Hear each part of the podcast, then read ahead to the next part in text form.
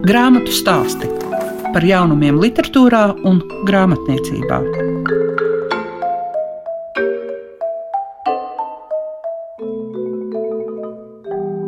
Savu skanējumu sāk grāmatu stāsti. Un šīs dienas raidījumā būs par Rīgas nākotnes vēsturi.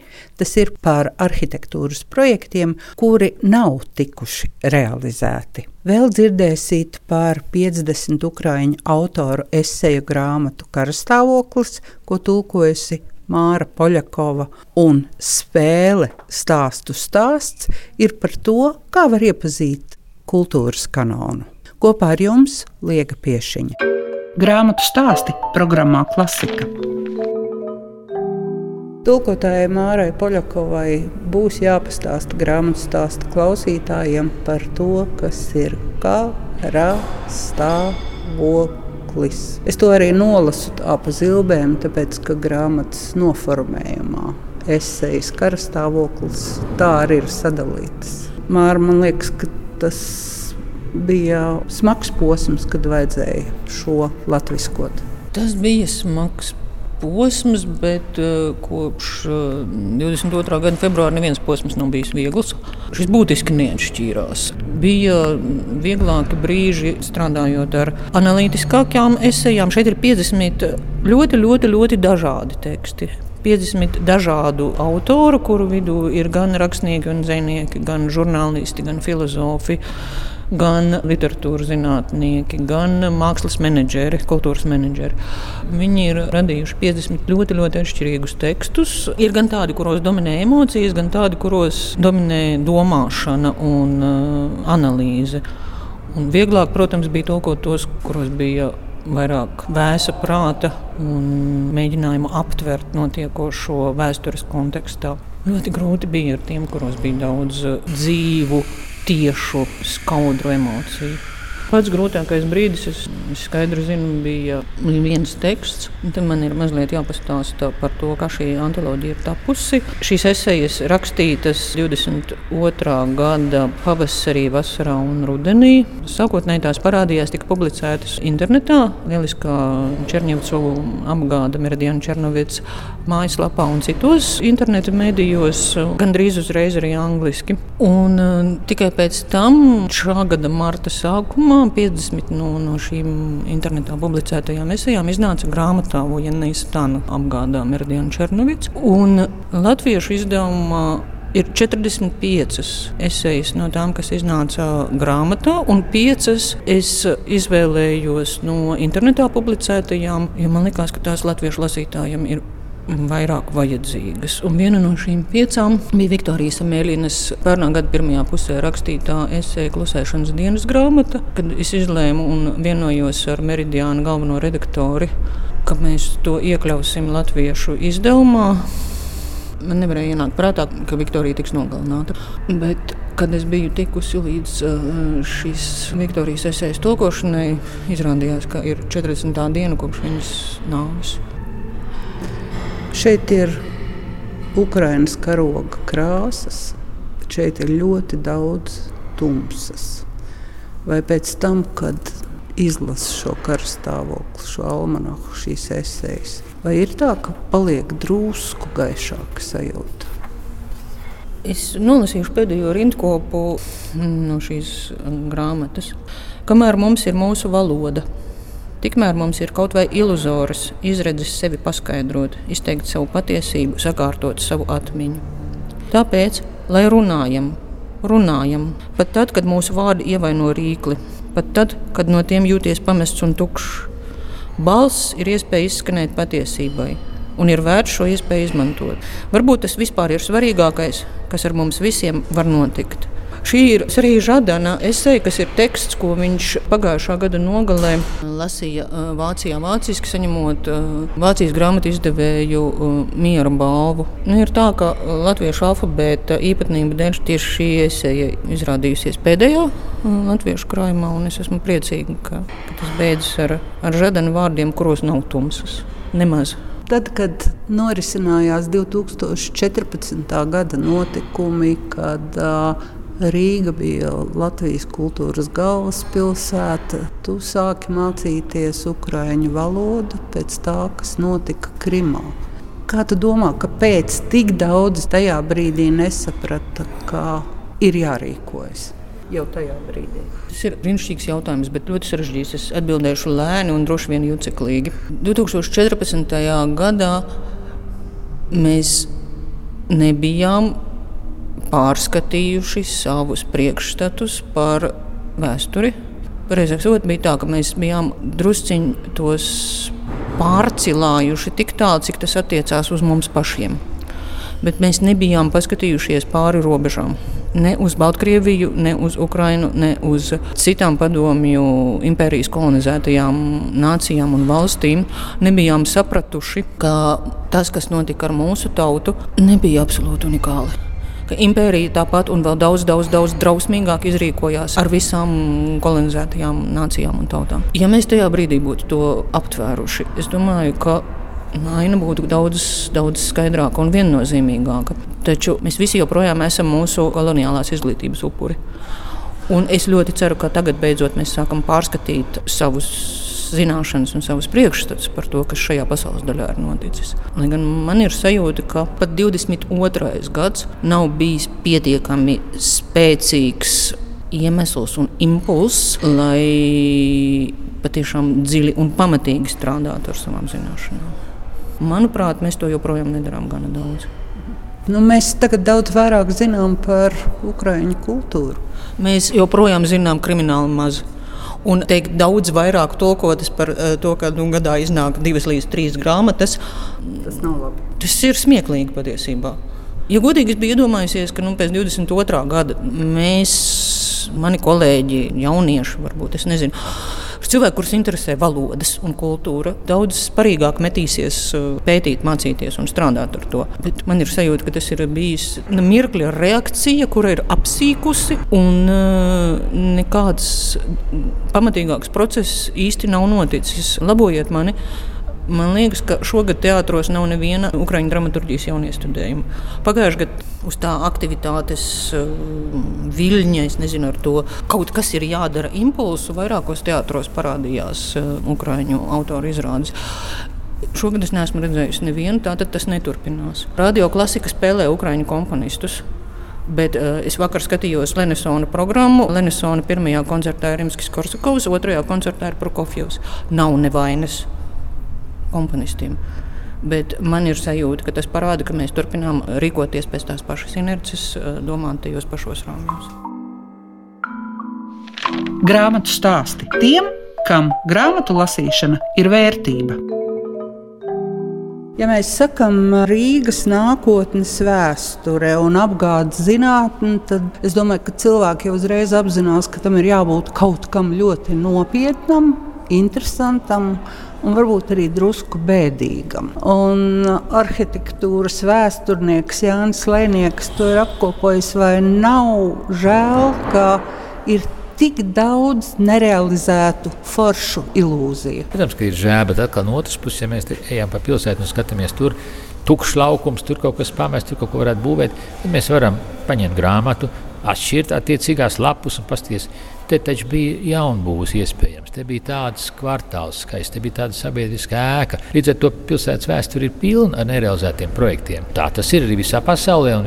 Es jau pirms gadiem, 30 vai vairāk, radīju tādu mazu grāmatu Rīgā, kuras nav. Nu, tagad mūža nogalē es padomāju, ka vajadzētu savākt visu, ko var vispār izdarīt. Es pats esmu Rīgas pilsētas projektējis, kad es sāku 75. gadā pie Gunāra Melberga strādāt es tās viņa tās utopiskās vīzijas ar savu roku zīmēju. Jo, ziniet, kāda ir nonāca pie meistara, tev neprasa, ko zīmēt, tu vienkārši zīmē to, kas ir jāzīmē. Tas ir tā, tie padomu laika arhitekti, viņi paskatījās rietumu projektus, viņi redzēja, ka tas mērogs, tas ir tā, tā civilizācija, ir pietiekoši kvalitatīva arī derīga Rīgai un iezīmē Rīgas plānos, bet, protams, padomu režīms nespēja to realizēt. Līdz ar to daudz kas ir palicis priekš grāmatas nerealizētie. Es esmu vienmēr apbrīnojis arhitektus, un man liekas, ka to nemaz nevar tā izdomāt, to, ko jūs spējat uz papīra uzzīmēt. Nu, ziniet, es klausos mūziku, es neko nesaprotu, es nevaru spēlēt nekādus mūzikas instrumentus, bet es vienkārši iedvesmojos no tās noskaņas, ko dod mūzika vai, vai māksla. Līdz ar to katram cilvēkam ir savs dotais uh, radīšanas iespējas. Nu, tā tas ir. Vai padomju laika iežogojums ir lielāks nekā citu laiku iežogojumi? Nu, jā, jo redziet, tad nedrīkst izbraukt uz ārzemēm. Arhitekts Savienības biedrs varēja dabūt atļauju vienreiz trijos gados. Vienu zemi viņam iedeva iespēju nu, tur izvēlēties, uz kurieni. Un līdz ar to bija tikai žurnāli pieejami. Nu, tie, kas atbrauc, ieziniet ar diapozitīvu sērijām, tad vesels vakars arhitekta namā rādīja, redz, kā izskatās Francijā vai ASV. Tā tas bija, jo režīms vienkārši viņš jau taupīja uz mums, jo visiem bija vienādas darba audziņas. Līdz ar to, ja tu tiec uz ārzemēm, tad tev iedod kaut kāds 30 dolārus vai cik, tas nozīmē, ka valsts tā atvēl no tos resursus resursi. Nu, nevar tur visiem tādas naudas dot. Vai pilsētām vai pašvaldībām tomēr nevajadzētu vairāk ietekmēt tās vietas, kur mēs dzīvojam? Nu, protams, bet redziet, ir tas privatizācijas 90. gadu, kā piemēram Purcēmā radotas tādas zemes strēmeles, kas bija kādreiz sakandārs cilvēkiem. Savukārt 60. gados, kad uzbūvēja tos heksagonālos pagalmus tur virsū, un tagad ir jocīgi, ka cilvēks dzīvo mājā, viņam jāmaksā trīs īpašniekiem zemes nodoklis, un arī pilsēta faktiski jau pēc likuma nedrīkst neko Purcēmā. Tur ir ļoti maz pilsētā piedarošs zemes gabals, kuros pilsēta drīkst investēt, tur kaut kādu bērnu laukumu ko ierīkot. Viss ir tiem, kam pieder zeme, ir jādara nedara, bet tie, kam pieder zeme, viņi tikai paņem tos nodokļus, nu, viņi neko nedara. Līdz ar to šeit ir tā nepareizā privatizācijas politika realizējusies. Tagad viņi tad jautājums ir, kādā veidā tiek rosināts cilvēkam pieder dzīvokli, ka viņi nopirks zemi no tiem privāti īpašniekiem, tad viņiem piederēs gan ēka, gan arī tas zemes gabals. Tad viņi teiks, paklau, ja mums te bērniem vajag spēlēties, nu, tad mēs sametīsim naudu, uzbūvēsim bērniem rotaļlaukumu. Tā kā viss tas process ir 30 gados tā savērpies, ka viņš tā kā jāritina vaļā. Bet uh, spriežot pēc tā, ka latvieši kādreiz bija absolūtākie viensētnieki, tas nenoris kā tāds likumsakarīgs projekts. Nu, jā, un tik vajadzīga kaut kāda paudze, respektīvi. Nu, Ja cilvēks ir četrās paudzes rīznieks, ja cilvēks ir otrās vai trešās, tad, ja cilvēks vispār ir pieredzējis dzīvot pilsētā, tad viņš par to var padomāt. Bet Protams, šodien ir tā, ka pierīgi ir vienīgā vieta, kas attīstās. Māru pēdaži un, un, un babīti tur attīstās, tāpēc, ka cilvēki vēlās dzīvot savā privātā zemes gabalā. Ja to var atļauties, ja, tad cilvēki tā arī izdara. Nu, līdz ar to paliek tā, ka mikrorajonos tā cilvēku paudze pamazām tur paliek pensionāri. Tas ir tas sociālā dilemma valstī, kādā veidā palīdzēt tiem pensionāriem. Tiem, kas tur būvē pierīgā, nu, tie ir privāti uzņēmēji, privāti cilvēks, nu, tad viņam ar banku jākaro par tiem kredītiem. Bet mikrorajonos nu, tā ir problēma. Bieži vien daļai literatūras grāmatās mēs meklējam atbildi uz jautājumu, kāpēc. Jūsu grāmatas saistībā man radās jautājums, kāpēc tik daudz projektu netika realizēti. It kā ir tā, ka acīm redzot, ir cilvēki, kas to visu nu, plāno, ka viņi ir tik daudz un katram ir savas idejas. Taisnība sakot, projekts tie daži procenti no būvizmaksas. Mums tā liekas, ka te vajadzētu būvēt. Nu, pasūtīsim tam projektu, paskatīsimies, varbūt dabūsim politisko atbalstu, finansiālo atbalstu, uzbūvēsim. Nedabūjām, nu, rāviņu pīķis, liekam to projektu plauktā. Tā tas ir, ka projekts ir tikai maza sastāvdaļa no procesa. Man gribētos zaļāku pilsētu. Mēs it kā arī visi runājam par zaļumu, bet dzīve pierāda pretēju. Nē, nu redziet, uz zaļumu arī. Tagad man patīk, ka tās pļavas parādās. Ja, kas Jā. nozīmē, ka, ka nevajag tā pļaut šo zālē, lai šī tāda augstumiņā būtu visa tā kā tāds tenisa laukums, viss, viss, viss, viss būtu nopļauts. Tā ir arī to zaļo arboristu un, un dendrologu un zaļo kopēju tāda arī tās mainīgās tendences. Tagad, paldies Dievam, mēs ejam kaut kādā rietumu virzienā, ka tikai tur, kur tu lieto, tur tev vajag to taciņu. Ja, bet tā jau vispār viņai tādai nu, mežonīgai pēdiņās ņemot dabai jānāk iekšā pilsētā. Kura jums liekas Rīgas vieta tā, kurā visvairāk var redzēt Rīgu? Protams, ka vēsturi var redzēt vecrīgā, vai ne? Bet es teiksim, negribētu dzīvot vecrīgā, jo Tur ir tie daudzie turisti, un tur tu tā izskatās, tā kā jūties tagad ar teātris izrādē. Un arī, protams, tie dzīvokļi, ne jau viņi visi ir tik jauki renovēti. Dažkārt kaut kādā pagalmā tu tur lokus pavērās uz pretējo pagalmu pusi, un nu, nekāds labais skats nav. Tā kā līdz ar to arī nemaz tik daudz cilvēku vecrīgā negrib dzīvot. Nu, savukārt, teiksim, meža parks vai teika. Tā ir pavisam cita atmosfēra. Un, un centri tie jūgenstila kvartālā, tur Albertiela un tam līdzīgi. Tā atkal ir cita vieta. Nu, Taisnība sakot, tādas klusas centra šķērsījās, kaut kāda akas iela vai kaut kas tāds, ka to kājām var visur aiziet. Bet, protams, tu dzīvo kādā augšējā stāvā, skaties pāri jumtiem uz tālākiem kvartāliem, tā lai tu dzīvojot mājā, skatoties pa logu savu pagalmu, esi priecīgs. Grāmatu stāsti programmā Klasika. Redz, raidījums saucās grāmatu stāsts, un te būs tagad par stāstu stāsts. Un Luīza Pastori ir pastāstījis, ko var atrast tajā kastītē ar tādu uzrakstu. Un man jau ir ļoti liels prieks, ka tur ir par kultūras kanālu. Jā, tā tad esam izveidojušas komanda ar Aneti Bajāru Babčaku, Madaru Lesītu Volmanu un uh, projektu vadītāju Māju Trēli kopā spēli kultūra kanāla spēli Stāstu stāsts, kas ir lineāra puzle. Kā mēs eh, zinām, bērni saprot, ka stāsts iespējams ir kaut kas lineārs. Sākotnēji mēs tā viņiem mācām. Un šī puzle palīdz bērniem um, veidot dažne dažādus stāstus un to variācijas, uh, neskaitāmas versijas. Un šajās ilustrācijās ir iekļautas dažādas kultūras kanona vērtības un ar tām saistītās vērtības. Ne tikai tieši, bet arī pārnestā nozīmē aicinot arī interpretēt Latvijas kultūras kanonu un iespējams arī pašiem domāt, kas tad mums pašiem liekas tās vērtības, kurām vajadzētu būt iekļautām kultūra kanonā. Manā gadījumā man šķita ļoti svarīgi, ka šajā puzlē parādās visi četri Latvijas gada laiki, kas ir tāds mans kanons. kanons. Jā, un, jā, nu tiešām tur ir tādas lietas, ko es īpaši atlasīju, kas man šķita bērniem saprotamas. Varbūt uh, mopēds Rīga 12, bet tajā pašā laikā tur varētu būt arī Ojāra vācieša bereta ikoniskā. Viņš pats varbūt gluži ne, bet viņa bereti tur parādās. Vai jūs arī izeksperimentējāt ar bērniem, cik viņi to saprot? Jā, mēs taisījām vairākas testa versijas un aicinājām bērnus Nacionālajā bibliotekā testēt puzli, kā tā strādā, kas nestrādā.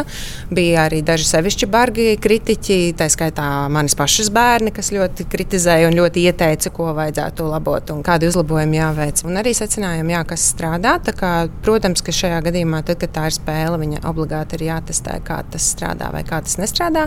Secinājām, ka puzle ir piemērota bērniem droši no 5 gadu vecuma, un tad attiecīgi līdz 99 gadu vecumam var spēlēt. Bet, protams, ka ir jaunāki bērni, kas arī var droši pētīt ilustrācijas un likt pa savām. To var darīt kopā ar vecākiem, jā, vai, tā... vai draugiem, vai bērniem. Vai skolā, vai jo šo jā. arī var izmantot, manuprāt, ļoti plaši arī klases darbā, arī domājot stāstus, pēc tam rakstot šos stāstus, domājot dialogus. Tur var savas runas, versijas veidot tā kā mm -hmm. galvenais vajag fantāziju. Tieši tā, vajag atvērtu prātu. Mēs jau arī, kas ir izaicinoši skolas vecuma bērniem, ka bērni tomēr tiek ielikt kaut kādā rāmī, ka, ja tā ir puzle, tā tad ir pareizā secība, ir tikai viena pareizā versija. Un uh, šīs puzles ilustrācijas apzināti ir veidotas atvērtas un brīvas, kas nozīmē, ka tu pa vidu vari vēl iztēloties, kas starp šo puzles gabaliņu un to notika vēl kaut kas, un tu to vari izstāstīt. Tam nav jābūt obligāti ilustrētam. Tā ir tā puzles, manuprāt, galvenā vērtība, ka mēs arī parādām, ka nav viena veida, kā mēs pareizi drīkstam interpretēt vai lietot Latvijas kultūras kanonu. Ka mēs ar to drīkstam brīvi interpretēt, jo tā ir mūsu kultūra, un mēs to drīkstam lietot cik puzlē ir priekšmeti. Jo mēs jau zinām, ka tad, kad uh, mēs pērkam puzles grāmatnīcās, tad mēs skatāmies, uz ko mēs varam saņemties uz 300 vai 3000 priekšmetiem. Šai puzlē ir viena sākuma kartīte no abām pusēm ilustrēta, kas nozīmē, ka vis visādos veidos var veidot, un trīs beigu kartītes, kas nozīmē sešas dažādi nobeigumi, un pa vidu vēl 16 stāstu kartītes apusēs nav jāizmanto visas puzles kartītes. Un ir bērni, kas veido ļoti īsus, koncentrētus, brīnišķīgus stāstus, un ir tādi, kas patiešām cenšas izstāstīt stāstu pēc iespējas garāku. Līdz ar to vēlreiz brīvi interpretējams un brīvi lietojams pēc savas patikas. Es saprotu, ka tev ir aizraušanās tagad izmantot grāmatās, nu, nosacīt tomēr spēles elementus.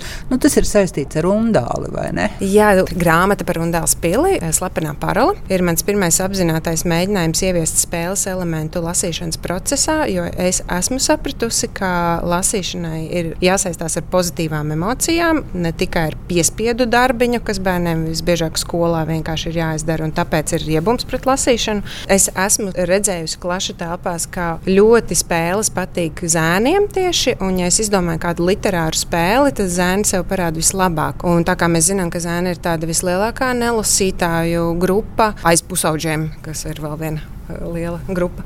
Es patiešām jā, domāju par to, kā lasīšanu padarīt eh, rotaļīgāku arī pašā literārajā darbā, kā ieviest dažādus knifiņus, uzdevumus, virzītāju spēkus, kas liek arī zēniem gribēt sevi pārvarēt un lasīt tālāk un uzzināt un jā, tikt līdz kaut kādai parolē, piemēram. Un par šīm lietām es domāju, plānojot arī savus nākamos darbus izskan grāmatu stāsti. Šīs dienas raidījumā dzirdējāt par grāmatu Rīgas nākotnes vēsture, kurā atklājām, kas saistīti ar nerealizētajiem arhitektūras projektiem, kā arī iepazināt 50 ukraiņu autoru esēju grāmatu karastāvoklis un atvērām spēli stāstu stāsts, kas vēstīja par kultūras kanonu un domāta ne tikai jaunai paudzei. Kopā ar jums bija Liega Piešiņa. Grāmatu stāsti par jaunumiem literatūrā un grāmatniecībā ik trešdienu, 9.5. ar atkārtojumu Svētdien, 18.15.